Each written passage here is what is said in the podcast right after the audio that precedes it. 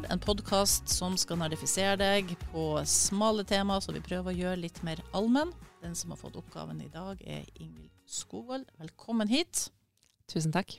La oss lansere tema, for du får nerd ikke bare på én ting, men to, du. Så heldig er du. Og jeg håper jeg klarer å gjøre de mer tilgjengelige, og ikke mindre tilgjengelige, etter jeg har snakka om to av mine favoritting i hele verden, uh, surdeig og Johnny Mitchell. Og vi skal klare å forene de her på et eller annet vis i løpet av uh, de neste minuttene. Tenk å få lov til å komme og nerde om surdeig og Johnny Mitchell. Gratulerer til deg og til de som skal høre på det her. Men vi prøver jo liksom å ha en viss struktur. Så vi starter friskt ut med surdeig, vi. Og jeg er jo den glade idiot uh, i de her programmene. Så jeg er så heldig å få lov til å sitte her og lære, og kanskje de som hører på også lærer litt av det her, forhåpentligvis. Så vi kan jo begynne med det basice. Hva er surdeigsbrød? Surdeigsbrød er brød som er bakt uten sånn industrielt produsert gjær, uh, og rett og slett på en surdeigskultur. Du får jo tak i veldig mye typ surdeigsbrød i butikken hvor de har uh, De kaller det bakt med surdeig, og da har de ofte brukt en kombinasjon av vanlig gjær og litt surdeig. Det gir veldig god smak. Um, men uh, når du sier surdeigsbrød, så er det uh, ikke noe sånn posegjær eller ferskgjær. Det er rett og slett en kultur. Hvorfor er det blitt så hot, det her? Det liksom uh, har stilt den gamle, klassiske brøddeigen og alle slektningene til den igjen helt i skyggen de siste årene. Det blir en sånn greie der at du er på høyden hvis du holder på med surdeig. Ja, godt spørsmål. Det er kanskje uh, i tiden det å uh, gå litt, litt sånn Gjøre ting som er litt vanskelig, som tar litt ekstra tid. Uh, være interessert i lokal matkultur, litt sånn gå litt tilbake i hvordan, ja, hvordan gjorde man det før, egentlig. For det å bake brød med industri her, det, det er ganske nytt. man hadde jo, I gamle dager så hadde man jo bare surdeig. Eh, så det er jo egentlig eh, litt å gå tilbake til gammel matkultur, tror jeg. Det å, å bake med surdeig. Dette er en, egentlig en retrobølge, faktisk? Eh, ja, man, man, kan faktisk kalle det det. Og um, jeg tror også det I hvert fall jeg kjenner på det, mange tror jeg kjenner på det, at det knappeste, mest verdifulle ressursen vi har, er kanskje tid. Og det å prøve å ta tida tilbake uh, er viktig for folk. Og surdeig, det krever den tida det krever. Uh, og det kanskje til og med har blitt litt status også, det å ha sånne type uh, hobbyer og drive med ting som rett og slett tar tid. Kjøkkenspa. Kjøkkenspa. et nytt uttrykk. ja, men det, det blir definitivt eh, Tålmodighet det her har jeg lest, for jeg har aldri bakt et surdeigsbrød i hele mitt liv. Jeg har levd lenge. Uh, det kan Det tar minimum du kan kanskje klare det på et døgn. Kanskje, men da må du gjøre mye ting i forkant. Eh, den prosessen jeg foretrekker, tar som regel tre døgn. Men da må jeg også ha gjort en del ting i forkant. For du må eh, Kulturen eh, Jeg er veldig, veldig fornøyd med meg selv. Jeg har, ikke, jeg har jo unger. Jeg har jo klart å holde de friske og i live. Men jeg har ikke kjæledyr. tross og sur det igjen. jeg har ikke dyr. Jeg føler at det er veldig sånn stort ansvar, til tross for at jeg er småbarnsmor, stort ansvar å, å, å ta vare på et dyr. Men jeg har surdeigskulturen. Eh, jeg har bare drept den én gang. Den er, eh, den er, kanskje fem år gammel. Ble starta av samboeren min på Vålerenga da vi bodde der, i Oslo. Og, så det er, en, det er faktisk en Vålerenga-kultur, så den, den, har sikkert en del eh, bakteriekultur fra fra Oslo. og når vi snak, nå snakker om kultur, så snakker vi om selve surdeigstarteren. Altså ja, selve, selve utgangspunktet for det som skal bli de her delikate brødene som vi ser avbilda overalt for tida. Det er det som heter kulturen. Jeg kan hende jeg ikke bruker det rette begrepet, men det er ja, starteren, altså surdeigskulturen. Den, eh, den må jo holdes i live. Så da må du enten mate den eh, ca. en gang i uka. Det går an å strekke det til to uker hvis du har den i kjøleskapet. Hvis du har den på benken, da må du mate den hver dag, hver andre dag. For da er jo temperaturen høyere, mer eh, liv i bakteriefloraen. Da trenger de mer mat. Derfor du blander inn begrep som eh, kjæledyr og unger inn i det her. For det er liksom, du må ta vare på det her. Det er nesten som et levende vesen. Det er et levende vesen. Uh, som, uh, ja, som, det går an å ta livet av. Uh, men den gangen jeg tok knekken på den, da, da, hadde vi Det er veldig viktig å dele den kulturen med flere. Fordi Det er også et sånn sikkerhetsnett. For hvis du tar knekken på den, så kan du da få den tilbake. Så da hadde vi heldigvis noen venner som hadde fått litt kultur av oss. Og så kunne vi rett og slett hente den tilbake. Er det en måte å rekruttere venner på det her? Kanskje. Nettverksbygging gjennom brødbaking. Det er sånn jeg får venner. Men en sånn her starter, da. Eh, hvordan er det man begynner hvis man eh, skal i gang med det her? Og Du sier jo at du drepte inn, men det er jaggu med de som har klart å holde livet i deigen sin eh, i hundrevis av år. Lest at det skal være surdeiger som er kanskje 4500 år gammel. Du starter med mel og vann. Rett og slett mel og vann. Og da er det lurt Jeg, jeg er ikke sånn som må bake med økologisk mel og sånn. Jeg, ikke, jeg, merker ikke forskjell. Jeg er mer opptatt av, av smak, og jeg syns det smaker like godt med den, det vanlige melet man kjøper i butikken. Men jeg tror det kan være lurt å bruke økologisk mel når man starter surdeigskulturen. Uh, for det er et eller annet med bakteriefloraen, sier folk da, som har peiling, uh, i økologisk mel som gjør at det er enklere å få i gang en starter. Så jeg tror det tar uh, altså Det her må folk google seg fram til, men det tar en uke eller to uker å få i gang den, den kulturen. Og før du skal bake, så er det viktig Så hvis du har den i kjøleskapet og har mata den kanskje forrige uke, så kan du ikke bare ta den ut og sette i gang med å bake. Det var det jeg prøvde å snakke om i stad, at du må ha gjort en del ting på forhånd. Da må du ha den på um, Hvis jeg vet at jeg har lyst til å bake i helga, så må jeg ta surdeigen ut av kjøleskapet på mandag eller tirsdag, og så begynner jeg å mate den hver dag. Fordi da blir den klar. Den liksom den, hva, Gir du den en pizza, en burger i timen, eller hvordan, hva er det du mater den med? Da mater jeg den med uh, Jeg mater min med sammalt fin rugmel og vann. og jeg like deler. Så jeg tar 50 gram mel, 50 gram vann, sånn ish. Uh, og da mater jeg den en gang om dagen for å, for å rett og slett gjøre den klar for at nå skal det snart bakes. Uh, og det, man, det, er litt sånn man må bare lære seg over tid. Man ser når den er klar, når man har bakt nok. Uh, da, at det liksom bobler nok, og at det, det, er liv i den. Da. For hvis du ikke har nok liv i surdeigen, i kulturen, før du setter i gang bakinga, da, da, er det bare å glemme. Da blir det et dårlig resultat. Det er helvete løs. Ja, det er det. det her må folk ta på alvor. ja, da blir den større og større og større, denne surdeigen, etter hvert som du mater den. Det blir som et dyr inni kjøleskapet, eller det blir jo mer og mer, så noen ganger så må jeg kaste kultur, faktisk. Da gjør det litt vondt i hjertet. Jeg skulle heller bare gitt det bort til folk. Så hvis noen trenger surdeigskultur, så er det bare å komme innom. Nok en ting i livet har dårlig samvittighet for. Det er nok, listen er lang. Ikke sant. Ja, men så eh, har du nå fått uh, mata det her og gjort det ferdig, da. Så hva er stage to, da? Eh, vi har bare en time, og så skal vi rekke å snakke om Johnny Mitchell også. Men jeg skal mm. prøve å gå raskt gjennom hvordan å bake et surdeigsbrød. Um, det, det, jeg har prøvd mange forskjellige oppskrifter. Det jeg har uh, eh, landa på at jeg gjør, at jeg tar den der kjempelivlige kulturen som er skikkelig klar til å bakes med, og så tar jeg vann, uh, og så løser jeg opp den kulturen i vannet. Og så tar jeg oppi mel. Og altså, blandingsforholdene, det, det, er masse oppskrifter på det. Det finner folk ut av. Men du kan, du kan jo Jeg tar nesten aller mest hvetemel, og så litt rugmel. Det er ikke nøye hva slags, eller sammalt mel da, av et eller annet slag. Om det er rug eller andre ting. Uh, og så bare tar jeg og finner fram til riktig konsistens. Jeg er ikke så glad i å bruke oppskrifter, egentlig. Jeg, vil, jeg, kjenner meg bare ofte fram. Jeg tar sånn cirka, og så merker jeg fort om den er for våt, eller om den trenger mer vann, liksom. Så men det er sånne ting man bare lærer seg over tid. Det er naturtalent. Du har sånn surdeigsbrødinstinkt. Jeg har bare bakt veldig, veldig mye, tror jeg. Og så, eh, av en eller annen grunn, jeg vet ikke hvorfor, men det er mange sånne surdeigsguruer som sier da skal deigen stå i en halvtime, og så skal du ha salt oppi. Så jeg stoler på de, og så gjør jeg det. Jeg lar den stå en halvtime, og så tar jeg salt oppi.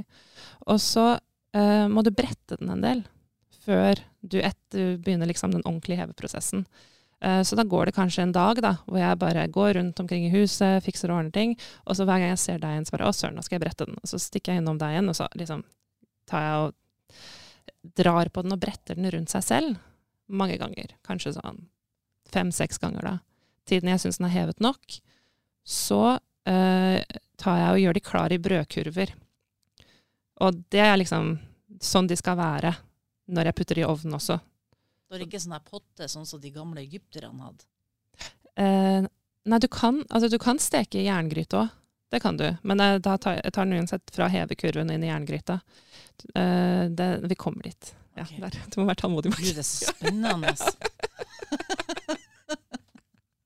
Du syns du på ordentlig det?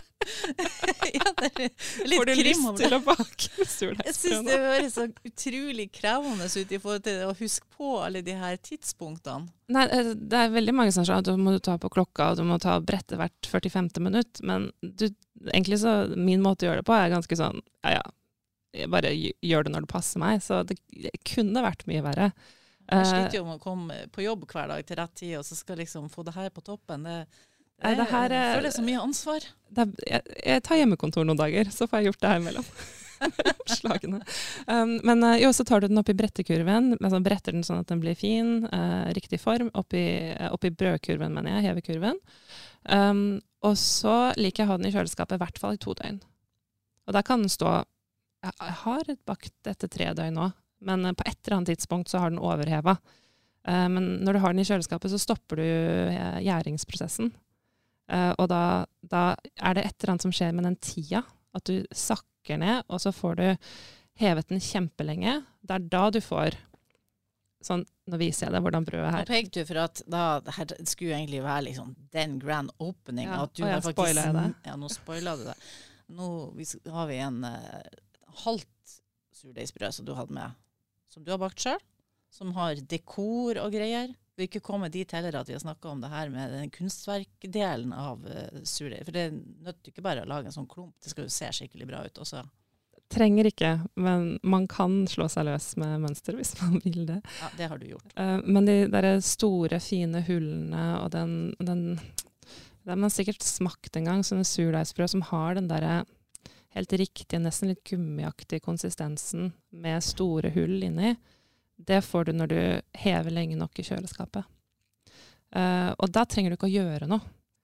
Uh, men du må huske at på et eller annet tidspunkt så bør du, så bør du steke den, da.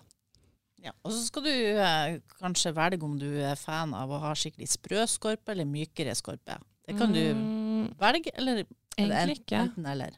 Nei, for at den skal bli For det jeg skulle kritisere mitt eget brød, da. Det her er ikke det brødet jeg er mest fornøyd med. Jeg har ikke stekt det lenge nok. Og da ser du i bunnen her, så er den litt deigete. Det er ikke greit. det er fullstendig katastrofe.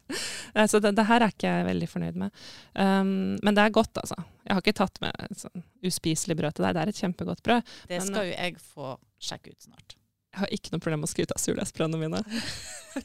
Nei, det er bra. Men, men jeg er litt, litt misfornøyd med, med at jeg ikke uh, Ja, jeg, jeg hadde den ikke lenge nok i ovnen. Uh, så egentlig så blir det veldig sånn uh, hard skorpe, eh, mykt inni. Og snitting, altså det du snakka om med det mønsteret I fjor sommer så bestemte jeg meg for at nå skal jeg søren meg lære å snitte surdeigsbrød. Så jeg vet ikke hvor mange stygge brød jeg laga. Men du må, du må i snitte brødet hvis du, hvert fall, du kan jo bake surdeigsbrød på på alle måter du kan bake et vanlig brød på, kan du også bake et surdeigsbrød. Det trenger ikke å være sånn rundt og kjempefint snitta. Du kan jo bare bake i brødformer. Eh, ta det rett i brødformer, lage noen snitt og så inn i ovnen. Um, men uh, det Du er jo får ofte ikke mer status i vennekretsen av det. tror du at jeg har sånn derre surdeigsvennegjeng hvor vi driver og viser hverandre brødene for Jeg har det mistenkt. um, Men um, det, du kan også bare lage fire snitt, liksom. Altså rett inn i ovnen. Det er vanlig barberblad. Sånn som Ja. du Ja. Jeg, har kjøpt fra, fra nett, altså jeg har kjøpt sånn, sånn derre snitt, surdeigsnitte, eh, barberblad med sånn holder sånn at ikke jeg skjærer meg. Eh, sånn derre Risikosport, det her. eget utstyr. Eh, og det fins masse, masse fine mønstre på internett. Det har jeg sett. Dette er Mm. sånn her eh, instavennlig prosjekt, egentlig, hvis du lykkes. Ja, jeg burde kanskje eh, legge det ut på Instagram. Det har jeg ikke gjort. Det burde burde ha en sånn surdeigsprofil. Jeg bare spist opp brødene. Jeg sendte litt bilder til venner, det har jeg. Litt snap. Jeg, blir, jeg er veldig stolt når, når det blir ordentlig fint. Men hvis du ikke snitter, så, eh, så kommer jo brødet til å sprekke et eller annet sted. Så snitting handler om å ha kontroll på hvor det sprekker. For du kan plutselig få sprekk på siden, og det er ikke krise, men eh, man snitter brødene. Det må man gjøre. Og så Surdeigsdepresjon, rett og slett. Eh, ja, det er ikke noe eh, Det var en gang Det verste som skjedde, var jeg trodde brødet var ferdig. Jeg hadde brukt tre dager på det, og så gleder du deg. Liksom, det har stått på rist, det har kjølt seg ned, og så skjærer du gjennom, og så er det deg inni. Jeg, jeg er sånn som blir Det kan ødelegge dagen min. Og jeg er også sånn som sitter mens you. steker. mens, mens brødet steker, så sitter jeg og følger med. Og det tar 40 minutter å steke det. Jeg kan sitte og se på brødet i 40 minutter. Så jeg, det er ikke, jeg, jeg forstår at um, det er ikke helt uh, jeg, er ikke, jeg er ikke helt normal på Det er ikke tilfeldig at du er her, Nei. for å si det sånn. Ja. Da koser jeg meg. Jeg sitter og ser på brødet heve i 40 minutter. og følger med på hvordan snittene blir, og hvordan, hvordan det hever seg. Skal du prøve å skjære i det her, eh, så eh, Men det her er faktisk det mønsteret jeg er veldig fornøyd med. Uh, for det var en Jeg tenkte sånn, nå skal jeg prøve det vanskeligste mønsteret jeg finner. Og så fant jeg en sånn uh, dame som hadde Hun har blitt hun har, Jeg tror hun har tjent penger på å rett og slett lage helt insane mønster. kanskje du har fått en dårlig brødkniv. Det er Jeg tror det. Det går bra. Jeg er sterk. Legg inn eh, klage hos Rana Blad her på utstyret. Men der ble det i hvert fall ei skive. Det jeg syns er fint med surdeigsbrød, da, det er jo um, Eller jeg er veldig glad i den smaken. Det som også skjer når du hever i, i kjøleskapet, er at du, du får ikke Du har kontroll på hvor surt det blir. Hvis du hever for lenge på benken, så blir det fort veldig, veldig surt. Men, eh, men du, det blir bedre balanse i smaken hvis du, hvis du kaldhever det, da, som det heter. Uh, og så uh, Ja. er det veldig mettende. Du trenger egentlig ikke så mye så mange skiver for å, for å bli ordentlig mett, og så er det som om du på en måte er mett mye lenger. Skal du på polferd, så hiver du det her i sekken. Ja. Er det noe mer du lurer på om surdeigsbrød? Jeg har så mye spørsmål som sikkert er også ubesvart etter denne podkasten. Men eh, hvis det er lov å spørre, liker du det grovt eller fint? Begge deler. Begge deler. Og det går an å lage boller òg, altså søt eh, bakst med surdeig. Det er kjempegodt. Det får nesten en sånn syrlighet som uh, uh, Ja. Det er helt nydelig. Nå ante jo ikke jeg eh, hva som eh, gjelder når det, når det kommer til pålegg på surdeig, så jeg har jo gardert litt her. Det kan jo hende jeg har gått på en skikkelig smell, men her har vi ost, og vi har ripssyltetøy, og topping agurk, tomat, paprika, noe greier. Hva liker du best å ha på de her surdeigene? Ikke noe forskjell mellom surdeig og vanlig brød. Det er jo hva du liker. Og nå høres det ut som jeg aldri spiser vanlig brød. Det stemmer overhodet ikke. Det her er jo ikke Folk har observert deg med vanlig brød. Det har skjedd. og har, ungene mine spiser ikke dette brødet her. Eh, det var en periode jeg prøvde å servere de surdeigsbrød, og da begynte han ene å gråte og si mamma, kan du slutte å bake det sure brødet? Så det, det går en del i sånn Josefine og helt vanlig barnehagebrød. Okay. Altså. Ja, da kan vi slappe litt av, vi som uh, føler på presset her nå. Har du hørt om Simus Blackley? Nei. Han er en av skaperne av denne spillkonsollen Xbox, og er visst også en ivrig sånn her surdeigsbaker. Så jeg tenkte at dere kjente hverandre, kanskje, men det, det er tydeligvis ikke en sånn, sånn krets. Det er ikke et så oversiktlig miljø. Det er mye sånn sub- og undergrunnsmiljøer innenfor surdeig. Ja, nå går jeg på en hvitost her. Så vi på et par agurker. Mm, men det er jo For meg, da, mm, så er det mm, når jeg har overskudd, når jeg har det Jeg, mm, snakka om tid, sant. Det er en veldig deilig følelse at nå har jeg tid og overskudd til å sette i gang dette surdeigsbrødet. Har du urtehage og sånn? Eh, ja. For det er jo òg noe som er kommet i det siste. Ikke at han begynner å ha sine egne urter. Bruke For tid på det. ja. veldig eh, Jeg er definitivt eh, kjempeklisjé på alle sånne ting. Jeg er veldig glad i å sanke. Jeg går og gleder meg hele året til soppsesongen. Så ja. Surdeig, rista surdeigsbrød med eh, stekt kantarell rett fra skogen. Det er det beste i verden. Da smaker jo på det her surdeigsbrødet ditt, og det smaker jo eh, skikkelig bra, det.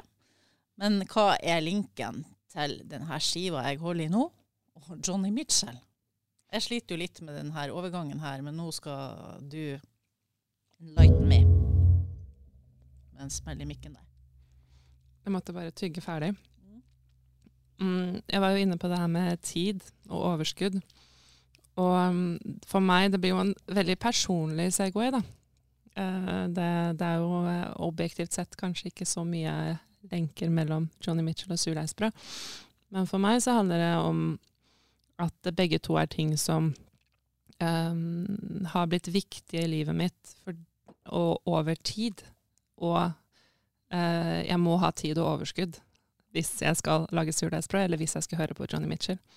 Uh, første gangen jeg hørte Joni, første gang noen satte på Blue, så visste jeg ikke helt hvordan jeg skulle forholde meg til det. Jeg visste ikke om jeg likte det. Det er litt sånn med surdeigsbrød òg, at det er veldig avskrekkende. Det er veldig mye. og, og Joni Mitchell sin stemme tar hele rommet, krever oppmerksomheten din, og jeg var usikker på om jeg likte det.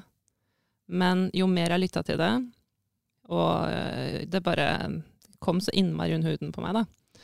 Og det er ikke noe jeg bare kan Jeg kan ikke bare sette på Joni når jeg er i farta. Hvis jeg skal høre på Joni, så må jeg, da må jeg være til stede. Litt som at du sitter og ser på det surdeigbrødet i 40 minutter. Nettopp. Mm. Så for meg så henger det veldig sammen. Så sa jo du at det var en sånn her um, anslag av retro nostalgi, det her med surdeigstrenden det at man ser tilbake og man går tilbake litt til røttene. Og det kan man jo kanskje si om musikken til Johnny Mitchell òg. Det er enkel, grunnleggende musikk der teksten får uh, mye av oppmerksomheten. Det er ikke så mye jåleri rundt det. Det er grunnleggende smaker. om man kan si. an på hvilken fase av Johnny vi snakker om. ikke sant. Den fasen jeg har vært i da, kanskje som de fleste nå brøt igjennom på 70-tallet. Ja. ja altså, det er jo definitivt en utvikling der, men musikken hennes blir veldig, veldig avansert og komplisert etter hvert. Hun har jo noen jazzplater som er eh, ganske heftige. Så ja. hun, hun, er, nei, hun, lager ikke enkeltmusikk. Det gjør hun ikke. Men det er definitivt kanskje en sånn Jeg, jeg er veldig nostalgisk anlagt. Eh, alltid vært det. Eh, så alt sånn, sånne Det å, å, søke bakover til en eller annen kanskje idé om noen røtter av noe. Jeg har alltid hatt lyst til å grave lenger og lenger tilbake. Uh, da jeg begynte å høre på Dylan, f.eks., um, så var jeg sånn Å, nå må jeg finne ut hvilke Hvem er det som Han spiller jo mye folklåter. Hva er den første innspillingen av den låta han har laga? Og så liksom ender du opp på sent 1800-tall til 1900-tall med en sånn, den første lydinnspillingen av en eller annen Han er jo blitt uh, sammenligna med Johnny Mitchell, men Mitchell sjøl er visst ikke så begeistra for det. De, det er ikke rart de sammenlignes, siden uh, Dylan ble 80 og Johnny er 79. Så de, de, jo, de var jo store samtidig. Produkt av samme tid. Ja. Um, men uh, de er veldig, veldig forskjellige musikere, syns jeg, da. Uh, og Joni uh, Det som er så fett med hvordan Det som appellerer til meg med hvordan hun er som kunstner, egentlig. For hun, jo, hun har jo sagt at hun er først og fremst en maler som er gone astray, eller noe sånt. Hun, hun, er mer opptatt av det å Egentlig den type kunstform. Og det var kanskje det hun trodde hun skulle drive med. jeg vet ikke. Hun laga sine egne cover og sånn. Mm. Materiellet som hun har presentert musikken gjennom, det har hun sjøl stått for. Ja, når du ser at det er et maleri på et cover, så er det hun som har malt det. Så hun er jo et sånt multigeni. Og hun har alltid skjønt selv hvor sykt dyktig hun er. Men hun har ikke alltid blitt anerkjent for det. Uh, hun har kanskje blitt sett på som en sånn uh, ja, pen dame med, med, fin stemme, men hun har skjønt hvor, i, uh, hvor egentlig revolusjonerende, hvor um, egenarta den musikken hun har laga, har vært. Og den anerkjennelsen har hun fått nå, men hun har ikke alltid hatt den. Så hun har blitt veldig undervurdert veldig, veldig lenge. Men hun har alltid hatt den tryggheten i at ja, hun har alltid visst hvor god hun har vært, da. Vi kan vel kanskje si litt om eh, hennes utspring, da, som er, hun er kanadisk. Men så eh, kan vi få lov til å kanskje, hvis er det, dra det litt langt, å kalle henne for helgelending. Helgelending? Jeg tror hun var vestlending. Ja. Hun har slekt på Sør-Helgeland. Jeg trodde det var Vestlandet, det visste jeg ikke. Mm. Det var Faren jeg har norsk, eh, norsk slekt. Men jeg har ikke, jeg har ikke kjørt slektshistorien. Du er litt Johnny Mitchell, du òg. nei, nei, nei, langt unna. Jeg har fått med meg det at vi kan kapre og hva elsker nordmenn mer enn å si om en artist at de er norgesvenn. Så. Det syns jeg vi skal gjøre. Ja, skal vi det? Ja, Da kaller vi jo for helgelendingen ja. Johnny Mitchell, da. um, og i tillegg så Jeg vet ikke hvor, hvor ung hun var, men da hun, liksom, hun dro til litt større byer i Canada, og så dro hun til slutt til, uh, til California, bodde i Laurel Canyon sammen Da alle de, alle de kule bodde i Laurel Canyon, og var en del av den, den gjengen der. Um, og uh, Men mens hun bodde i Canada, uh, så fikk hun jo um, Altså før hun brøyt gjennom, da, uh, så fikk hun jo barn. Um, veldig ung, og hadde ikke mulighet til å ta vare på denne ungen. Så adopterte bort barnet. Og det, det er også en sånn Hvis du tenker på hvor mye hun har vært gjennom, da. Det er ganske heftig. Uh, og hun hinter til det i en sang som heter Little Green. Da er det en tekststrofe der, jeg tror ikke, men det ble ikke lagt merke til i samtiden. hvor liksom Hun snakker om dette barnet da, som hun, som hun uh, adopterte bort. Og jeg tror de De fikk faktisk til å treffes i voksen alder. Um, men, men, hun fikk jo ikke flere barn. Så hun, hun, har, hun, hun har rett og slett via hele livet sitt til, til kunsten og musikken. Og litt menn òg, da. Hun eh, var innom eh, Leonard Cohen, som eh, også er kjent for sine poetiske tekster. Det er jo hun også. Og hun ble kanskje litt inspirert? Altså hun Det er vel mer menn som har vært innom henne. Altså, det, det var, jeg tror det var veldig mange um, mannfolk som var veldig betatt av Johnny Mitchell. Hun, uh, det var vel ingen som uh, holdt så lenge. Uh, men det er jo en del av de forholdene som, som også har, uh, har fått noen fine sanger, da. Ja, som det ofte blir mm.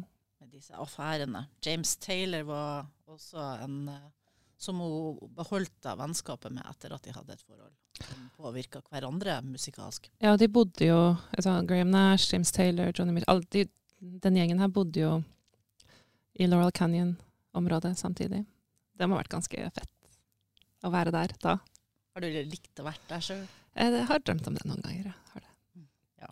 Du, du har jo med deg gitar. Ja. Jeg vet ikke om eh, vi skal prøve å, bare for å sette tonen, høre litt av en av låtene til Johnny Mitchell. Jeg har med meg eh, en notebok her, som du ser, som mangler eh, coveret. Den, eh, det er eh, skikkelig slitt og godt brukt. Eh, jeg har spilt Johnny Mitchell-låter for meg selv i veldig, veldig mange år. Mitt, en av mine favoritthobbyer. Um, og vi snakka om California. Hun har jo en veldig fin låt som heter California, så den tenkte jeg kanskje jeg kunne spille litt av. Det trenger vi som ikke har så mye av den type vær som de har. Så får vi det i musikken kanskje litt varmere fra deg. Jeg skal ta, også, eh, ta ned lyden litt på min side, sånn at jeg kan sitte og spise surdeigsbrød mens jeg hører litt på deg. Der har du linken. Ja, sant. Så kan jeg se om jeg også finner den her roen og gleden gjennom begge deler, helst. Denne handler jo faktisk om å, å savne California. Hun er i um, sitting in a park in Paris, France, og tenker på at hun egentlig skulle vært et annet sted. Reiser rundt i Europa og syns det er gammelt og, og kjedelig, og vil tilbake til California. jeg har ikke vært der, men jeg savner California, jeg òg. Jeg. Met a redneck on a Grecian isle. He did the goat dance very well. He gave me back my smile, but he kept my camera to sell. Oh, the rogue, the red, red rogue. He made good omelets and stews, and I might have stayed on with him there, but my heart cried out for you. Oh, California. Ja, kjenn reiselysta. Den kommer sigende på. Det her er jo 70-talls uh, Joni. Um, med de tonene som ikke er så enkle å treffe hele tida. Og vi kvinner vi kommer jo i stemmeskiftet litt seinere.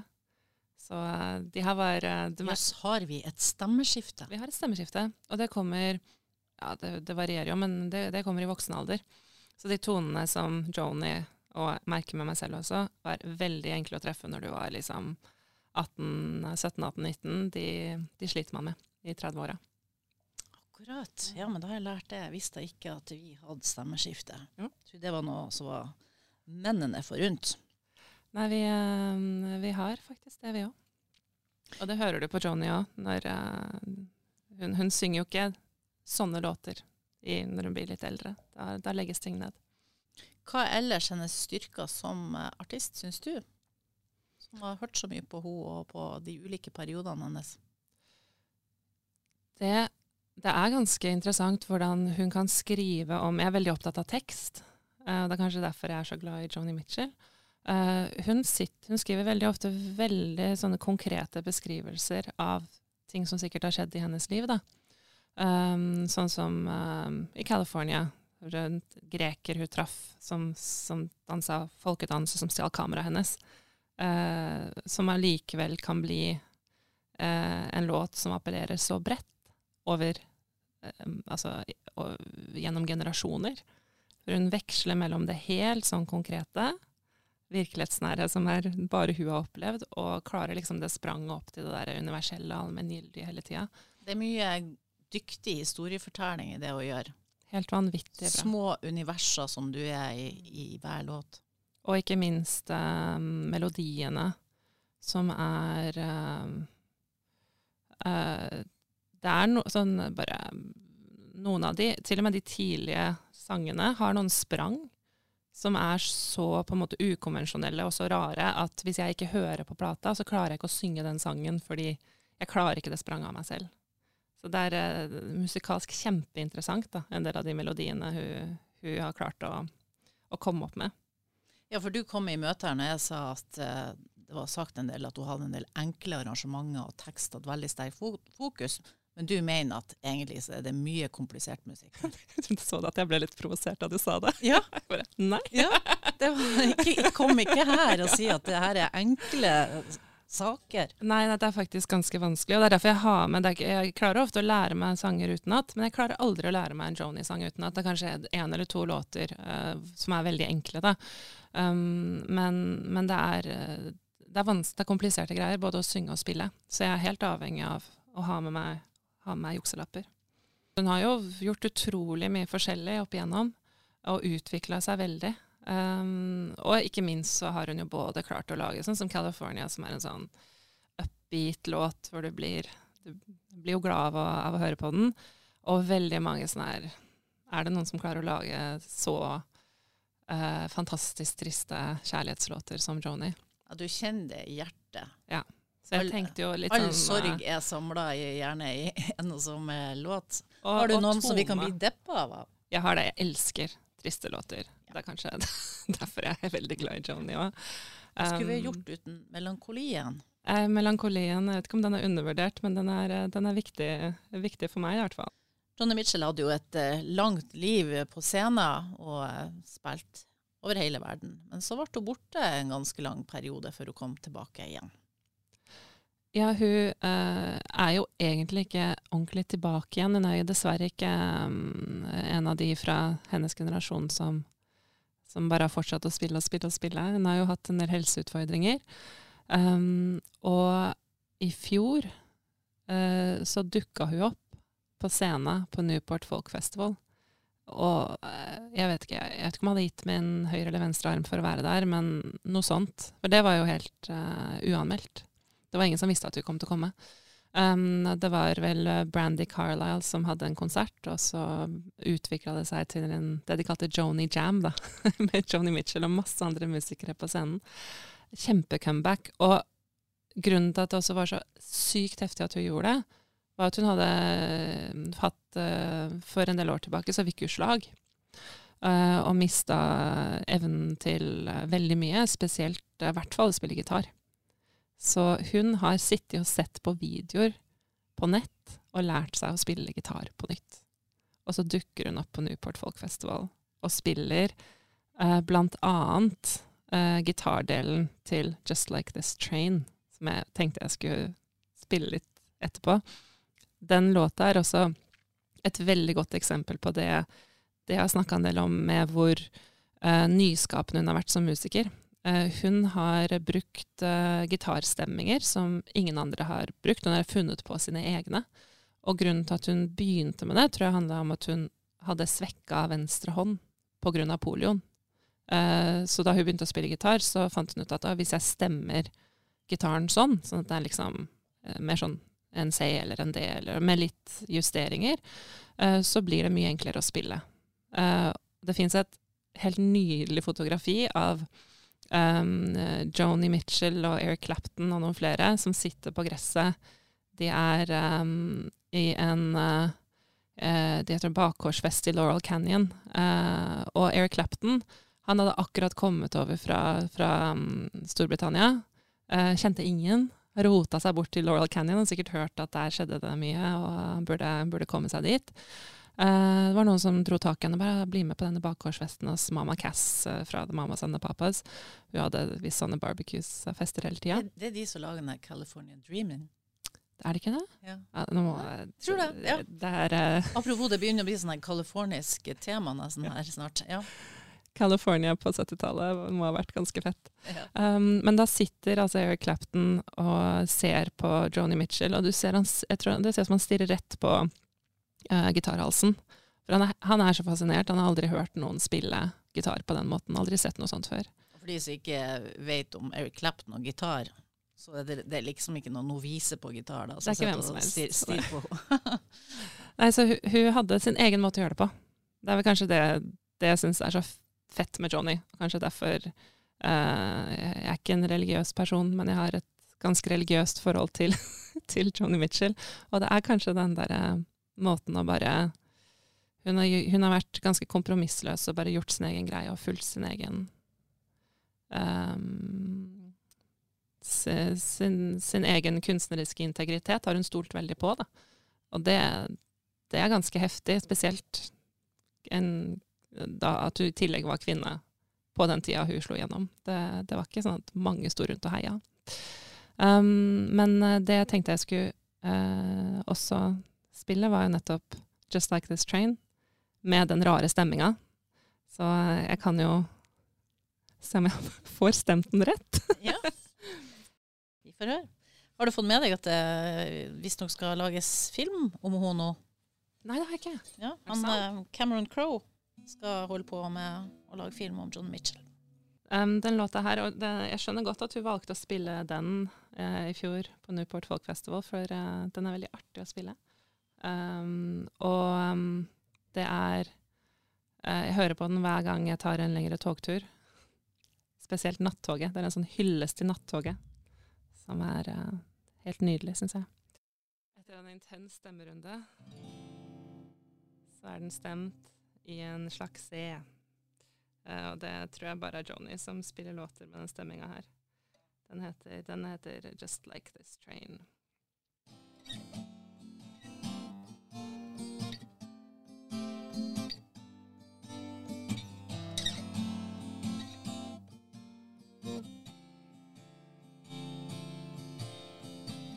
I'm always running behind the times, just like this train, shaking into town with the brakes complaining.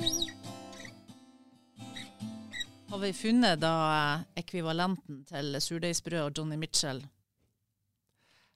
Kan vi summere det opp? Jeg prøvde meg jo på en Segway i stad. Men um, for meg så er det ja, kanskje litt det jeg sa i stad.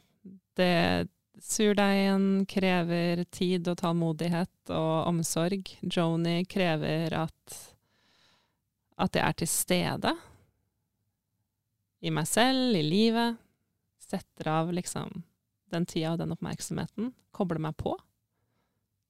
Det, det, er kanskje det er derfor jeg hadde veldig lyst til å snakke om begge de to tingene. Hva gjør at en nerd skal anbefale oss som ikke er nerd på Johnny Mitchell og surdeig, å begynne med det? Må vi ta én ting av gangen, da, kanskje. Um, det um, Jeg syns Det er jo med brødbaking òg, men det er noe spesielt med surdeig som er litt magisk. At du kan uh, Egentlig så er det her, nå peker jeg på det brødet som ligger mellom oss, det er jo Eh, vann, mel og salt. Det fins ingenting annet der enn vann, mel og salt. Så det er jo en, en, nesten en alkemi. At man kan ta de tre ingrediensene og få noe sånt. Men det krever bare tid og tålmodighet, da. Litt jobb, ikke så mye. Mest tid. Um, og det, det, fascinerer veldig meg, og det er så innmari verdt det, da. For du får uh, den, den, smaksopplevelsen du får hvis du investerer den tida. Uh, den, den, er, den, er, heftigere enn det Josefine Brød, altså. Ja, og så var det Johnny, da. Hvorfor skal vi begynne å høre på henne? Alle burde ha Joni i livet sitt. Uh, og det enkleste å begynne med er jo, som du allerede har nevnt, jeg, jeg, vil nok tro at Blue kanskje er den plata som de aller fleste begynner med. Uh, og, og, det er det gode grunner til. Den har jo blitt kåra til en av verdens beste album gjennom tidene mange, mange mange ganger. Beste, I hvert fall beste albumet gitt ut av kvinnelig artist, uh, når man skal dele opp på den måten. Og langt på topp når disse ekspertene og kritikerne driver og lager sine lister. Den er jo helt rå. Um, og kanskje så tilgjengelig som det blir. um, og så liker jeg veldig godt Corton Spark. Jeg klarer egentlig ikke å velge mellom Blue og Corton Spark hvis jeg hadde hatt en pistol mot huet. Jeg har prøvd også mange ganger å lage Så håper vi ikke kommer dit. Eh, ja, det, det er marerittet. Men jeg har også prøvd å lage en sånn liste over topp ti Joni-låter. Eh, jeg klarer ikke det. Jeg har prøvd så mange ganger, men jeg syns det er så vanskelig å velge. Jeg klarte faktisk å velge noen låter å spille i dag. Du vet ikke hvor mye jeg har tenkt på det, og hvor vanskelig jeg syns det har vært. Så neste gang så, så, må vi ha mer tid til det, for det er masse mer å spille. Um, men uh, hvis jeg skal jeg anbefale ja, det er det. Å begynne kanskje med Blue og Corton Spark. Og så er det jo litt sånn, det er som med meg også, det er ikke alle platene til Joni jeg hører på. Jeg har hørt på alt, i hvert fall én gang. Men, men, det er ikke alt som Fordi hun har gjort så mye forskjellig, så det, det er ikke alt jeg er like glad i. Og det sier bare litt om hvor fantastisk rikdom og variasjon hun har eh, opp gjennom karrieren sin, da. Eh, derfor tror jeg det er noe for alle der. Jeg er ikke så glad i 80-tallet, så 80-talls-Joni for meg har jeg et vanskelig forhold til. Å anbefale Johnny Mitchell til noen, det som gjør det um, Vi snakker om tilgjengelighet. Uh, Joni er jo ja, kanskje en bestemt og egen dame. Uh, da Neil Young fjerna sine låter fra, fra, Spotify, så gjorde Joni det samme, i solidaritet med sin gamle venn. Um, så det er jo ikke så uh, enkelt å høre på Joni lenger. Um, man kan jo søke opp noen sanger på YouTube, men man burde jo Det kan være gammeldags da, men det å høre platene fra start til slutt, det, det, det man, I hvert fall Det er en tanke her. Altså, jo, hun har definitivt laga de med en tanke bak, eh, og de er kunstverk i seg selv. Nå har vinyl som surdeigsbrød også hatt sin eh, revolusjon igjen, så Jeg har definitivt en del Johnny Vinyler. Um, så man må jo faktisk kanskje rett og slett eh, gå og kjøpe seg en CD eller en LP-plate. Uh, det gjør det jo ikke mer tilgjengelig, men det gjør det definitivt verdt det. Og ingen har vondt av det? Nei, det syns jeg ikke. Det er en god investering. Kan vi snakke om at Johnny Mitchell har hatt store hits? Og hvilke låter vil det være naturlig å nevne da? Hun hadde jo ganske mange hits på 70-tallet. Uh, og da hun begynte å skrive låter, så blei jo faktisk veldig mange av hennes låter covra av andre. Uh, så, og så fikk hun hits med de låtene uh, selv etter hvert. Så det var jo sånn Da folkmusikken var på sin høyde, så, så hadde hun flere det du kan kalle hits. Den Woodstock-låta, for eksempel, til Still Snash and Young, uh, den, den, er det hun som har skrevet. Det er det ikke så mange som vet. Så hun har jo vært en veldig viktig låtskriver, og andre har fått hits på hennes låter. Vi hører jo alle stort sett hver jul. For uh, hver jul så ser store deler av verden på filmen 'Love Actually', og der har vi med ei Johnny Mitchell-låt, sant? Ja, der er det jo 'Both Sides Now', uh, som, uh, som, er en viktig del av en viktig scene i filmen. Og Johnny Mitchell spiller jo en slags birolle i Love Actually. Um, og, så jeg vil jo tro de aller, aller fleste har hørt, har hørt, den, og det er også en veldig sånn Kanskje en av hennes mest tilgjengelige uh, låter. Og så skal vi ikke spoile noe i filmen for uh, de få de som få, ikke Det var sånn to mennesker i verden som ikke har sett den. Men jeg tenkte jeg ikke skulle si noe. La oss ha omtanke for de, da.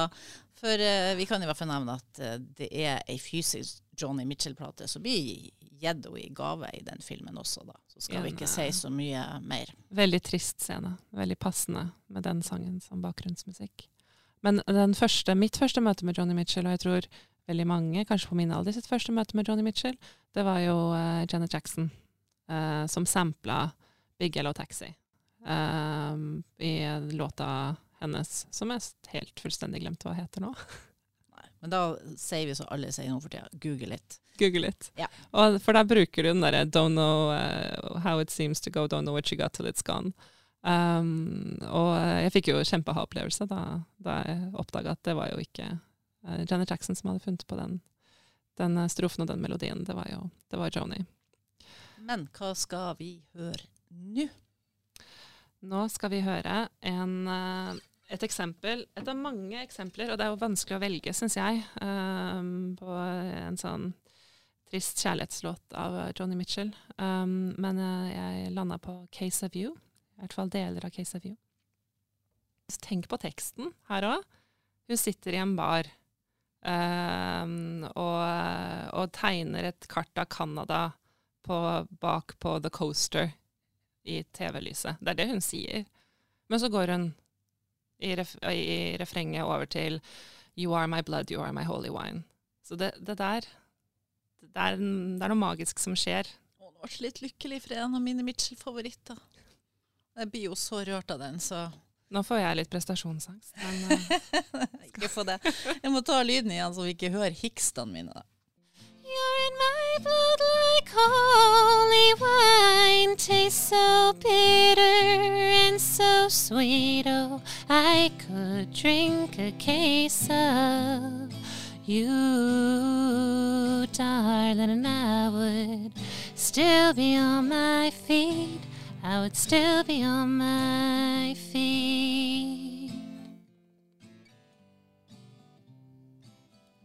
Herregud, den som ikke får lyst på vin og kjærlighet nå. Og surdeigsbrød, selvsagt. De feiler noe alvorlig.